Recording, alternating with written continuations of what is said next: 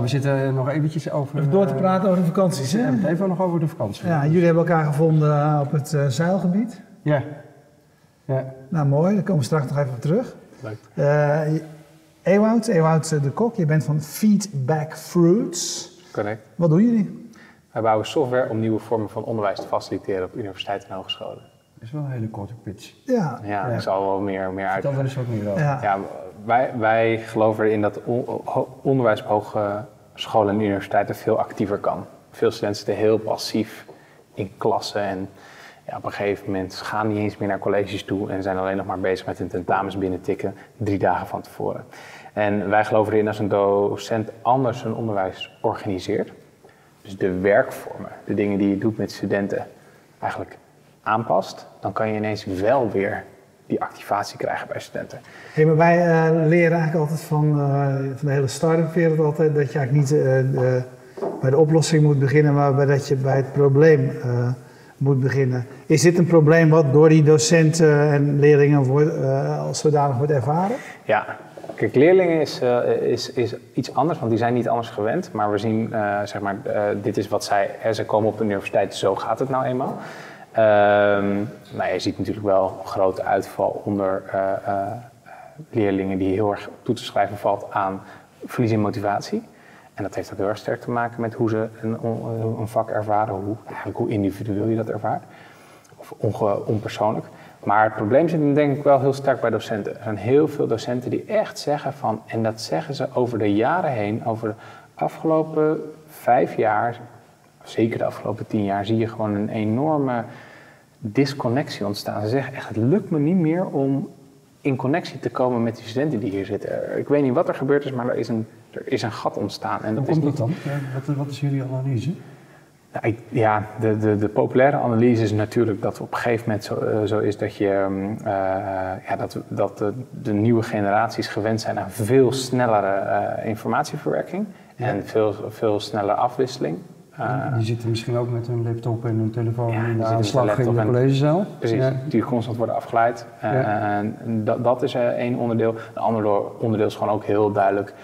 We hebben een enorme groei meegemaakt. Echt een enorme groei in de hoeveelheid studenten die in de collegebanken zitten. Mijn vorige spreker die, heeft het over internationale studenten. Nou, die zijn een groot onderdeel. Nou, we kennen de probleem in. Nederland. Nederland Ja. wordt overlopen door eh, internationale eh, studenten. Ja, en aan zich kan dat natuurlijk heel mooi zijn, mits je je onderwijs daarnaar goed organiseert. Maar als je gewoon zegt, we hebben een grote zaal, hij moet alleen iets groter. Ja, dat gaat op een gegeven moment de verkeerde kant op. En ehm, eh, ja, dat zijn denk ik, dat zijn beide, mm, naar onze analyse, twee belangrijke elementen waarom het nu niet Hey, goed en, is. Eh, leg eens uit wat voor soort software jullie dan ontwikkelen om dit probleem te tackelen. Want je, je kan natuurlijk ook leuke les geven zonder software. Ja, ja Eh, zeker. Heb je niet per se software voor nodig, maar hoe doen jullie dat? Wat, wat is de... Nou, kijk, wij zeggen wel eens scalable pedagogy. Dus eh, als jij voor een, of een zaal staat met 100 man, is het op een gegeven moment lastig om goed onderwijs te geven, zeg maar, gepersonaliseerd onderwijs te geven aan die 100 man. Want je, je kan niks anders als je geen digitale middelen hebt, dan op, op een gegeven moment alleen nog maar je verhaal vertellen. Of in ieder geval, dat is waar veel Ja, docenten dat, naartoe is, gaan. dat is één, eh, eenrichtingsverkeer, dat is zenden, eh, Ja. dat is weinig interactief. Ja, en ook Ja. helemaal niet effectief, blijkt uit de Ja. literatuur. Ehm, dus wat wij doen, is wij stellen eigenlijk een docent in staat om of, eh, werkvormen te organiseren die veel kleinschaliger zijn. Denk bijvoorbeeld aan, je hebt zo'n klas van eh 200 man, die voordat zij hun final assignment moeten inleveren bij de docent, eigenlijk een tussenstap hebben. En dat is, ze leveren de assignment in aan elkaar. En ze bekijken elkaar, dus ze kijken elkaars assignment aan, even na, gebruik maken van een rubric die de docent geleverd heeft. De docent heeft eigenlijk gezegd, zo hoor je een goede eh, assignment te maken. Kijk eens naar of jouw collega dat, jouw peer dat goed gedaan heeft. Ehm, nou, dat zorgt ervoor dat studenten, terwijl als jij het werk van iemand anders reflecteert met de criteria van hoe het eigenlijk moet, ga je jezelf ook heel erg reflecteren. Van, oh wacht, dat heb ik ook niet zo goed gedaan. Oh, dat had ik ook niet, dat had ik ook beter moeten doen. Plus je geeft nog eens een keer feedback aan je peer. Nou, dit is een werkvorm die ervoor zorgt dat als uiteindelijk die final assignment wordt ingeleverd, de kwaliteit van die assignment veel hoger is. Dus het opgeleverde werk is gewoon veel hoger. De docent kan dat veel fijner nakijken, want goed werk nakijken is fijner als minder goed werk nakijken. Plus studenten hebben daar veel meer van geleerd. Nou, dit is iets wat je dus digitaal heel goed kan oplossen. Maar nu, nu noem ik maar één werkvorm. Maar we dat hebben is peer feedback. Ik zie bij jullie op de site zag ik met name veel interactieve dingen. Ja, ook. Eh, interactieve presentaties die je als docent kunt geven. Ja. Eh, kun je eens uitleggen hoe dat werkt? Ik kan me er iets bij voorstellen, maar Zeker weten. Ja, kijk, we hebben simpelere werkvormen met interactieve presentatie. Dus dan kan je bijvoorbeeld denken aan een eh, docent stelt een vraag aan zijn college. Aan zijn college. Die ge- studenten geven antwoord, een multiple choice vraag.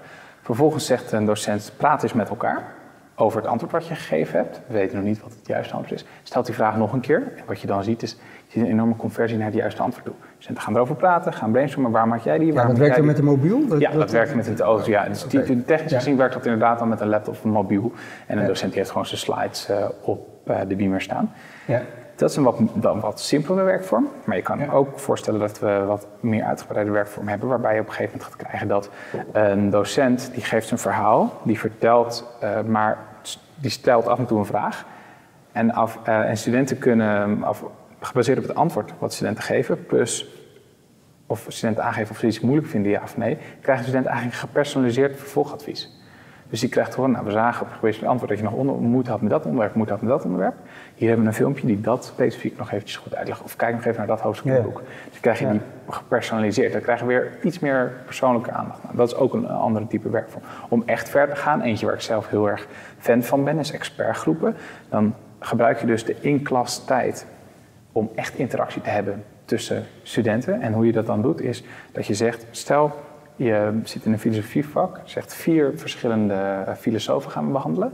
Je maakt groepjes, die doe je gebaseerd op ehm, eh, de keuze van een student. Een student zegt namelijk: ik wil deze filosoof graag eh, uitzoeken. Nou, dan word je in een groepje gezet met studenten die de andere filosoof hadden willen uitzoeken. Dan krijg je tijdens het, tijdens het vak, dat doe je voor het college. Voor het college zoek jij informatie over die filosoof op. En dan tijdens dat vak in die klas worden vragen gesteld van oké, wat zijn de overeenkomsten van deze filosofen op het gebied van eh, democratie bijvoorbeeld, op hun visie op democratie. Nou, dat betekent dus dat ik ineens afhankelijk ben van mijn peers om erachter te komen wat het juiste antwoord is. Er zijn wederom vier antwoorden. Kies jij, kies jij als groep moet je een antwoord kiezen. Kies je als groep het verkeerde antwoord, krijg je een punt minder. Krijg je een soort van leaderboard met groepen. Nou, dat is een werkvorm die ineens van zo'n saai college. Ja. Je had als Er docent zit ook opeens een kunnen beetje kiezen. competitie in, er zit opeens een beetje samenwerking. Samenwerkingsvormen in en Ja. woep, het gaat ineens van passief in een college zitten en het zal wel naar heel engaged bezig zijn met het eigenlijke onderwerp. Hey, maar is dit een. ehm, het lijkt mij een, eh, z- zeker een aantrekkelijke vorm, maar hier komt geen technologie bij kijken. Hè? Dit is gewoon een andere. Nou, in deze vorm komt wel technologie kijken, namelijk één in de, distributie van, eh, eh, zeg maar, het is heel groepsvorming gebaseerd op interesse.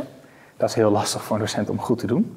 En dat technologie kan dat eh, stukje oplossen. Ja, maar mijn vraag is inderdaad eigenlijk waarom doen ze het als. Het klinkt als, voor mij als een, als een overzichtelijke vorm. Natuurlijk Mhm. anders dan je gewend bent, maar waarom doen ze dit nog niet? Ja, dat is een goede vraag. Ehm, er zijn, dat is een hele goede vraag waar wij natuurlijk ook heel veel mee bezig zijn. Ja, want jullie maken het in ieder geval een stuk makkelijker. Dat is het. Laten we we- maken het in ieder geval een stuk makkelijker. We proberen het proces een stuk makkelijker te maken. Ja. En inzichtelijker. Dus dat is, eh, eh, want voor een docent is natuurlijk, je moet je voorstellen als Ja, jij, dit zijn natuurlijk enorm bewerkelijke dingen als je dat, als dat eh, fout gaat. Als je dat zonder technologie wil doen. Precies. En dan zit er die zegt, ja, maar ik zit mijn groep, mijn groepje is er niet.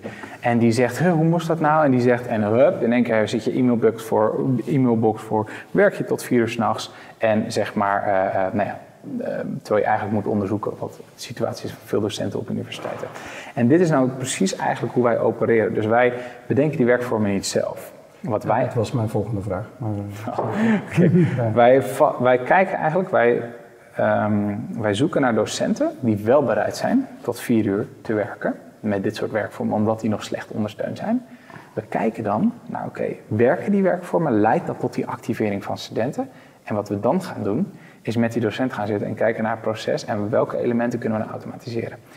Dat automatiseren we, eh, itereren we een aantal keer. En als dat vervolgens dan goed werkt, kunnen we ineens naar zijn, of haar collega's toe om te zeggen van hé, hey, kijk, deze docent die deed iets wat heel mooi was. Niemand ging het doen, want niemand had zin om tot vier uur s'nachts te werken. Maar nu ineens is het makkelijk gemaakt. En dan zie je die langzame verspreiding. En wij noemen dat een onderwijsdoetank. Oké, maar het komt dus volledig uit de praktijk. Het is niet Ja. dat jullie hier op een zolderkamertje Nee. eh, allemaal ingewikkelde werkvormen zitten te bedenken, dat je maar moet afwachten hoe het... Hoe het Nee, want, eh, je werkt, de, de, de docenten in jullie netwerk ja, helpen jullie om nieuwe dingen eh, te verzinnen. dat is correct. Toevallig eh, is daar een artikel over in het eh, Financieel Dagblad Ja. blad, eh, aanstaande vrijdag. Eh, dus daar staan ook een interviews met een aantal van die docenten die dat dan ook gedaan hebben. Dat is heel leuk. Ehm, dus inderdaad, dat is hoe we werken. Want ons, zeg maar, de, de moeilijkheid bij ons zit hem niet per se in de automatisering van zo'n werkvorm, maar uiteindelijk in de adoptie bij Ja. docenten. Want dat is eigenlijk, ja, wij noemen dat social engineering. We moeten echt engineeren van hoe gaan we ervoor zorgen dat Dat eh, snap ik, ja. ja, want je zit met een systeem en dat is in de fundamenten een heel lastige situatie waarbij, als je naar universiteit kijkt, mensen die het allerbeste zijn geweest in de traditionele vorm van onderwijs, zijn de mensen die voor de klas staan. Want dat zijn de mensen die hadden negens in met hun vakken. Die gingen een PhD doen, die zijn professor geworden en staan dus nu weer voor, voor, voor het college. Ja. Dus dat is één. Twee is, is natuurlijk de, een, de vorm die al jaren wordt gehanteerd, waardoor dat er echt ingeslepen is. De vorm die mensen zelf al hebben gekre- gekregen, waar iedereen naar refereert. Dus daarvan afbewegen is een heel lastige. ehm, ja, dat is, gewoon, dat is gewoon lastig. Dat is echt een change management vraagstuk. Maar ja, wij merken wel, het belangrijkste is natuurlijk precies wat jij zegt, waar zit de pijn? Je merkt bij een steeds grotere groep docenten toch wel die pijn. Maar goed, als, die pijn, als je dan weet waar die pijn zit, dan is hier natuurlijk het andere. Je bent, je bent een bedrijf, dus je moet ook geld verdienen. Eh, waar, waar zit het geld? En wie is bereid om eh, te betalen. Ja, te betalen voor Ja. jullie eh, bijdrage? Nou, daar raak je ook weer een goede vraag, want daar raak je ook weer een, een ander lastig punt binnen onze zeg maar, markt. Kijk, het is leuk, net als de vorige spreker eh, zijn we ook begonnen als spin-off van een universiteit. Eigenlijk op nog precies hetzelfde idee. We hadden een idee, we gingen wij Dus studeren ook nog? studeren aan de TU Delft. Ja. Eh, we hadden dat idee, niet specifiek dit idee, maar een eerder idee, maar oké. We gingen naar een het college toe, die hadden ook wat geld over en daarmee zijn we dus ook gestart. Ehm, maar wat wij, ehm, eh, dus jouw vraag is specifiek, hoe, gaan we, hoe verdienen wij geld? Kijk, wij zijn een mission-driven bedrijf, dus wij proberen een probleem op te lossen. En geld verdienen is onze, niet onze main driver, wij moeten alleen geld hebben om dat probleem op te lossen. Dat is een beetje de analyse. Maar wat wij dus doen, we hebben eigenlijk drie belangrijke stakeholders. Eén, dat zijn de docenten, want die moeten we ook daar dat gaan gebruiken. Twee zijn de studenten, want die moeten het uiteindelijk actief, activeren. Die moeten we actief weten te krijgen. Drie zijn de universiteiten om het vervolgens aan te verkopen. En dat zijn meestal nog eens een keer hele andere universiteiten. En binnen zo'n universiteit kan- kan je je ook wel voorstellen, heb je niet één persoon, zijn er ook nog eens een keer een hoop stakeholders. Dus wij werken gewoon met een redelijke eh, veel stakeholders, maar ons businessmodel is wij verkopen licenties aan universiteiten. En die stellen dan die software beschikbaar aan hun eh, docenten. Dus wat wij Precies, en dat zijn, neem ik aan, abonnementsvormen. Met Ja. een, met, dat gaat per licentie, neem Correct. ik aan. Dus eh, afhankelijk van het aantal studenten dat er gebruik van maakt, vragen jullie een fee. Dat is correct. Ja? Ja, Hoeveel universiteiten hebben jullie nu eh, als klant? 14. 14. Ja, waarvan eh 14 universiteiten en hogescholen. Dus we hebben, maar we hebben meer dan nu net meer dan 70% van de Nederlandse universiteiten in een meer dan vierjarige zeg maar, afspraak. Of Oké. vierjarige afspraak. Ja. En eh, het allermooiste is dat MIT eh, in Boston dus ook net heeft eh, opgetekend en meedoet in dat consortium. Want dat is misschien wel goed om te zeggen, is wat wij doen, hoe ik het uitleg hoe wij zochten naar werkvormen. Dat doen wij in een concept dat heet een onderwijs-doetank. Waarbij we eigenlijk zeggen, wij zoeken bij de universiteiten die zijn aangesloten naar dit soort werkvormen, digitaliseren die en indien succesvol, delen dat met iedereen die in dat consortium zit. Ja. Dus als jij een universiteit of een hogeschool bent, dan hoef je zo'n stukje pizza eigenlijk zelf aan bij te dragen of te betalen. Maar je Ja, krijgt maar je deelt mee van wat, Ja. wat de anderen eh, ontwikkelen. Is MIT de eerste buitenlandse... Officieel is dat de eerste buitenlandse universiteit die hier, nu bij, eh, die hier nu bij zit. We hebben nog een hele mooie andere naam die ik officieel ook niet, niet mag noemen, helaas. Ja, dan Die nemen zit- wij- Heb je, ook aandeel, heb, je aandeel, heb je ook weer aandeelhouders? Nee, geen aandeelhouders. dit, zijn, dit is die universiteit zelf. Die is zo protective op zijn of haar naam dat, ehm, nou zeg maar, eh, eh, nou ja, de, vooruit te maken. we zijn in dat Maar, proces. Ja, Ja, en in Australië zijn er een paar eh, Ja. pilots. Dus we zijn eigenlijk wel leuk, want Nederland is natuurlijk klein. Dus 70% van de universiteiten in Nederland. We moeten internationaal gaan schalen. En daar zijn Ja, we voor wie moet dat? Is je businessmodel niet rond te krijgen op... Jawel, we- we- maar we hebben een ambitie om eh, echt een grote impact te maken op eigenlijk te helpen in die transitie van traditioneel onderwijs naar werkvormen die leidt tot veel. Ja, het feit dat je werkvormen. 70% van de Nederlandse universiteiten en hogescholen weet te tekenen. Dat Nee, is, nou, universiteiten. dat, dat is natuurlijk wel eh, heel bemoedigend. Want Ja, zeker Dat is niet niks. Nee, we zijn cashflow gefinancierd. We zijn een bedrijf met eh 23 man. Ja. Eh, nu, eh, ja, 100% zelf, 100% zit geen enkele schuld in. Eh, Ja. Dus dat, is, dat zijn leuke, dat zijn, aandelen allemaal bij jullie. ja, dat Ja. is allemaal. Dus wij kunnen dus ook nog echt op die missie richten. Wij hoeven Ja. ons nog niet inderdaad te houden aan eh, allemaal afspraken die op een gegeven moment afleiden van hier, onze kern. eh, Ja. Ja, tegelijkertijd eh, zie je vaak in jullie, als ik je goed beluister, zitten jullie een beetje eh, tegen die grens aan. Dat als je op een gegeven moment de ambitie hebt om internationaal te schalen, wat jullie hebben, eh, loop je natuurlijk tegen allerlei dingen aan die op een gegeven moment wel eh, ja, geld behoeven om dat te Mm. kunnen realiseren. Je, eh, je platform moet meertalig worden. Er komen allemaal specifieke juridische, sales, eh, weet ik wat, contractdingen op je pad. Eh, Ja. Misschien wel leuk om te Binnenkort een investeringsronde? Of, eh, Nee. nee? Nee, nee, nee. Wij gaan dit zelf doen. Ja. Ehm, ja, totdat we misschien... Ja, er kan misschien een punt komen waarop we, waarop we wel eh, hiervoor openstaan. Maar er zijn best, hebben best wel een aantal investeerders bij ons aan de deur geklopt. Maar ik heb altijd... eh, eh, En waarom is dat? omdat ik nog geen enkele investeerder ben tegengekomen die echt gelooft in de missie die wij hebben. Die, echt gelooft dat we dit moeten doen om eh, onderwijs op een hoger niveau, te, op hoger niveau te krijgen. En dat als nummer één neerzet. En niet de financial return. Ja. En dat is, ja, dat, eh, dat is niet erg, dan doen we het zelf. Ja, je wil gewoon compromisloos je, je belangrijkste doel kunnen dat najagen. is het. Ja. Precies. En is daar in het team ook echt 100% overeenstemming over? Ja. Dat is natuurlijk best verleidelijk, maar op een gegeven moment... eh, ja, is dat zo? Vraag me wel eens af. Ik denk, nou, we hebben veel mensen Geld aan tafel... werkt best wel vaak, toch? We hebben natuurlijk veel mensen aan tafel die daar eh, Ja. wel voor kiezen. En nee, dat is correct. En dat, ik, dat is, ik, nogmaals, eh, wat ik er zelf van vind is een ander verhaal hoor. Nee, als ik mijn analyse neerleg, dan denk ik eh, dat het. Kijk, ehm, wanneer heb je snel geld nodig? Als je keihard moet groeien omdat je de concurrentie voor moet blijven. Precies. Hebben jullie concurrenten? Nee. Nee. Wij, wat wij doen zijn we heel erg uniek. Eh, we hebben nog geen concurrentie, dus die hete adem voel ik niet. Ja. Ehm, dan, als je dan een analyse maakt van wat eigenlijk zeg maar, vreemd vermogen in je bedrijf aan, eh, of in ieder geval investeringen in je bedrijf, wat dat voor nadelen met zich meebrengt, die zijn wel heel erg groot. Ja. Ehm, ja, je verliest je flexibiliteit. Je zorgt ervoor dat je op een gegeven moment je, je, zeg maar, je burn rate gaat enorm omhoog, maar dat heb je niet met een gezonde eh, zeg maar, inkomsten gedekt.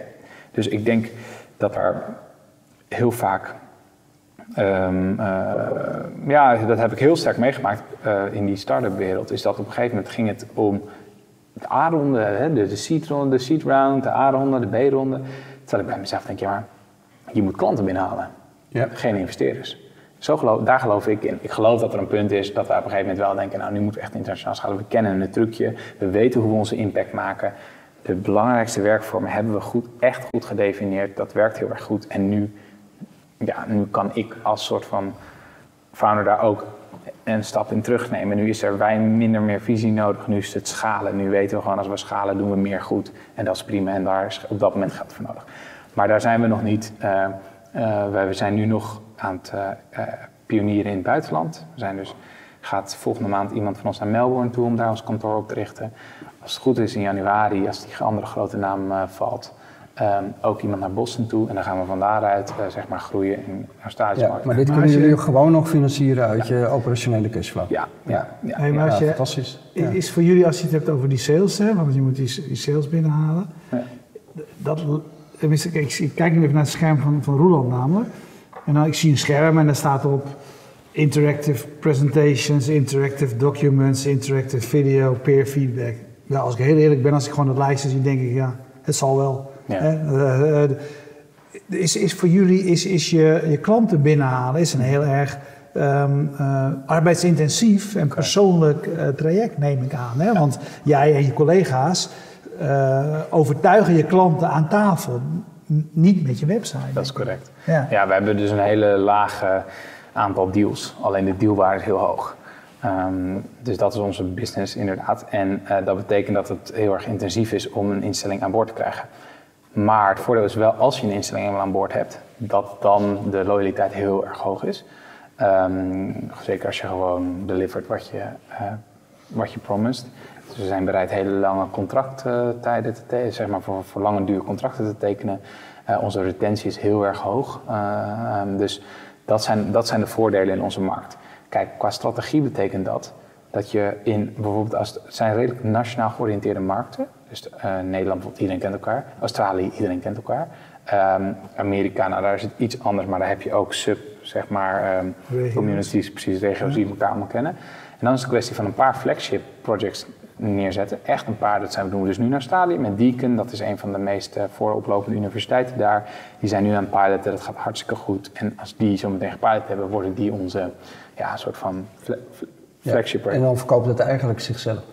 Nou, dat niet, helaas. Maar we hebben in ieder geval het belangrijkste binnen en dat is gewoon die, die referentie. De lokaal. showcase. Ja. Ja. Precies. Vervolgens, wat je doet, is dan moet je mensen aannemen met een netwerk. Want het lastigste is netwerk. Mensen bereiken die je niet kent. En je weet vaak niet heel goed wie moet je hebben. Je weet wel welke functie moet je hebben, maar niet wie is dat. Dat is heel erg schimmig uh, binnen zo'n universiteit. En als je uiteindelijk een, iemand kan in, zeg maar, bij je bedrijf kan betrekken die zo'n netwerk al heeft, die heeft een flagship project binnen zijn eigen markt, die heeft uh, ja, technologie, wat gewoon, uh, die heeft een businessmodel, legal is alles op orde, ja, dan, is, dan moeten we dat gaan uitrollen. Ja. Maar je moet niet verwachten dat we tien universiteiten per jaar gaan binnenslepen. Ja. Uh, nee, maar waarom zou je het ook willen? Kijk, ik, ik vind het juist fantastisch hoe jullie het doen, want we hebben die discussie heel veel hier aan tafel. Mm. Hè, van, weet je, is het waard je onafhankelijkheid opgeven, investeerders? Uh, weet je, we hebben, wij zijn vaak juist heel kritisch op uh, start-ups die, waarvan het wel lijkt of hun doel in het leven is het, het ophalen van financiering. Ja. Weet je, dan gaan de champagne, gaat de champagne over en weet je, heb je het doel bereikt. Maar weet je, dan, het zou dan pas moeten beginnen. En ja. uh, tegelijkertijd de vraag die ik heel vaak heb van ook ja, internationale schaal. Ik vroeg net ook aan jou, jou uh, waarom? Weet je, als je het leuk vindt, prima. Mm. Maar het hoeft natuurlijk ook niet per se. Wat is er mis met een bedrijf van 20 mensen die, ontzettend, die onafhankelijk zijn, ja. Die allemaal een goede boterham verdienen en ook nog iets nuttigs of iets leuks doen? Ja. ja vind ik ook helemaal niks mis mee. Nee. Dus ik vind het juist heel, heel mooi dat jullie die eigenwijze keuze uh, maken. Ja. Ja. ja, nou dankjewel voor het compliment. Ja, het is heel bewust geweest van die start-up wereld. En ik, ik moet heel eerlijk zeggen dat ik daar ook wel gewoon nog hebben Startup Delta bijvoorbeeld. De mensen die eigenlijk start-up communities die we hier in Nederland hebben, wat trouwens fantastisch is dat we het hebben. Tuurlijk. Maar daar heerst gewoon in al die trainingen, in al die verhalen, succesverhalen, zo'n focus op investering binnenhalen. Ja, het doel is geld ophalen. Het doel is geld ophalen. En dat, ja. dat, daarin denk ik wel eens, ja, maar ik zoek daar, ik hoor, ik wil daar meer eigenlijk een kritische noot horen over, nou, dat, dat hoeft allemaal niet. Nee. Harold Gordijn TomTom, een van onze mooiste, in ieder geval een, een van onze mooie voorbeelden van een paar jaar terug die heeft ook allemaal nooit uh, zeg maar, uh, een investering gehad. Die heeft het ook allemaal zelf gedaan, ze een businessmodel kon voor elkaar krijgen. En ik denk dat dat is eigenlijk in ieder geval iets waar ik echt naar zoek. Maar er is natuurlijk ook wel een verschil hè, tussen een Nederlandse mentaliteit, en dat is toch iets meer een Nederlandse mentaliteit. Ja, ja. En, en die, Amerikanen, die Amerikanen zijn nog tien keer zo erg wat dat betreft. Ja. En, uh,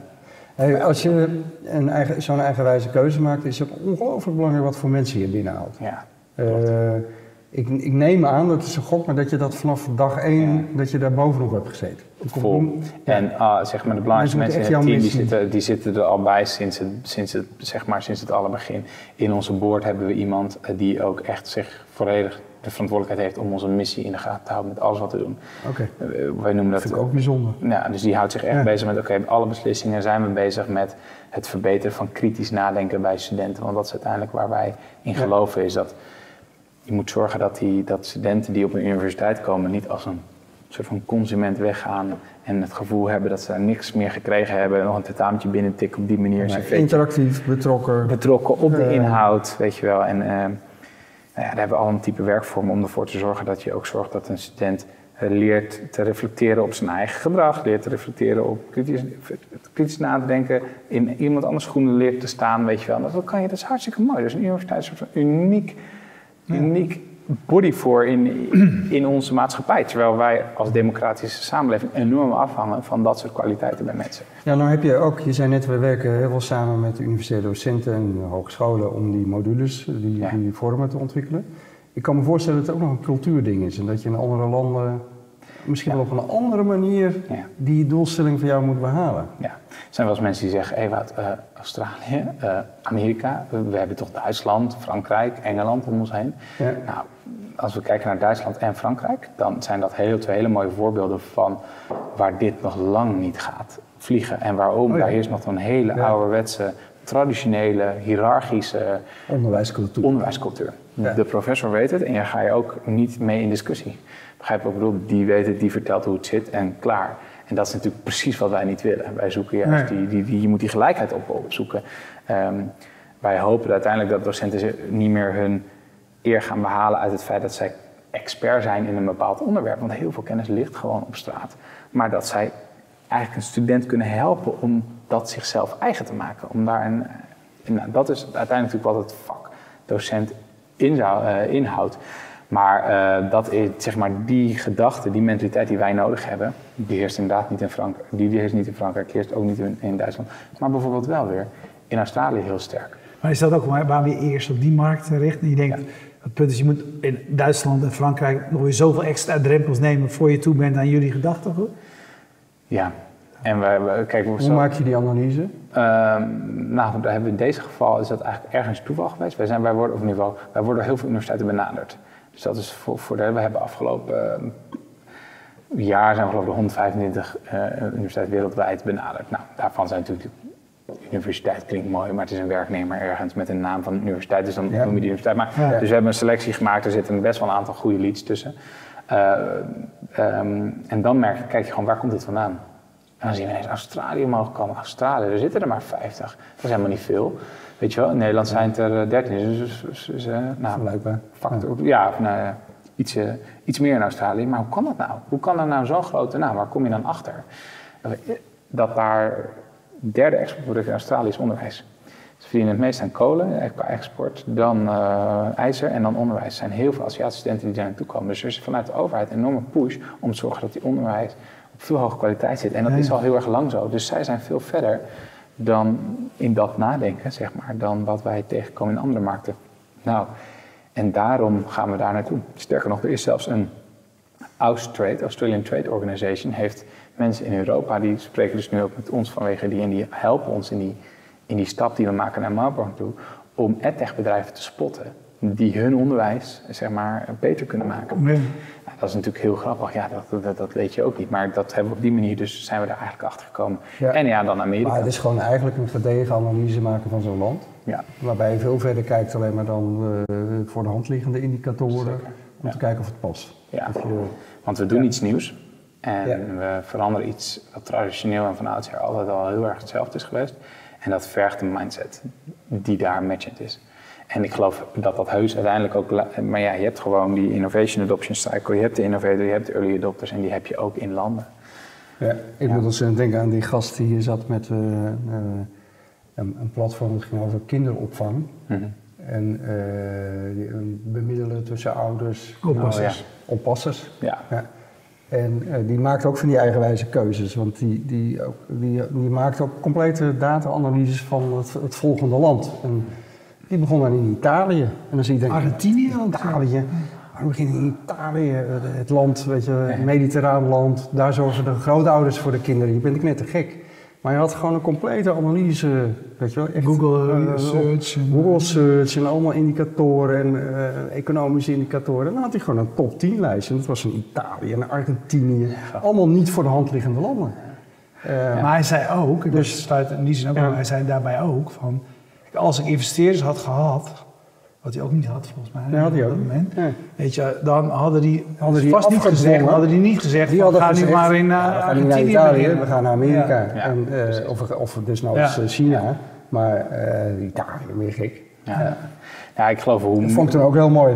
Nou, je Ja. bent eigenwijs. Ja. Ja, dat is... Ja, Zit, zit Niet als doel op zichzelf. Je volgt, je volgt Niet gewoon... als doel op zichzelf, maar Nee. gebaseerd op analyse, Precies. een theorie, kennis. Ja. Ehm, ja. Ik bedoel, er zijn heel veel para- parameters, variabelen die specifiek zijn voor jouw business. En die jij meestal, eh, omdat je er zo vol in zit, echt goed begrijpt, de waarde goed van begrijpt.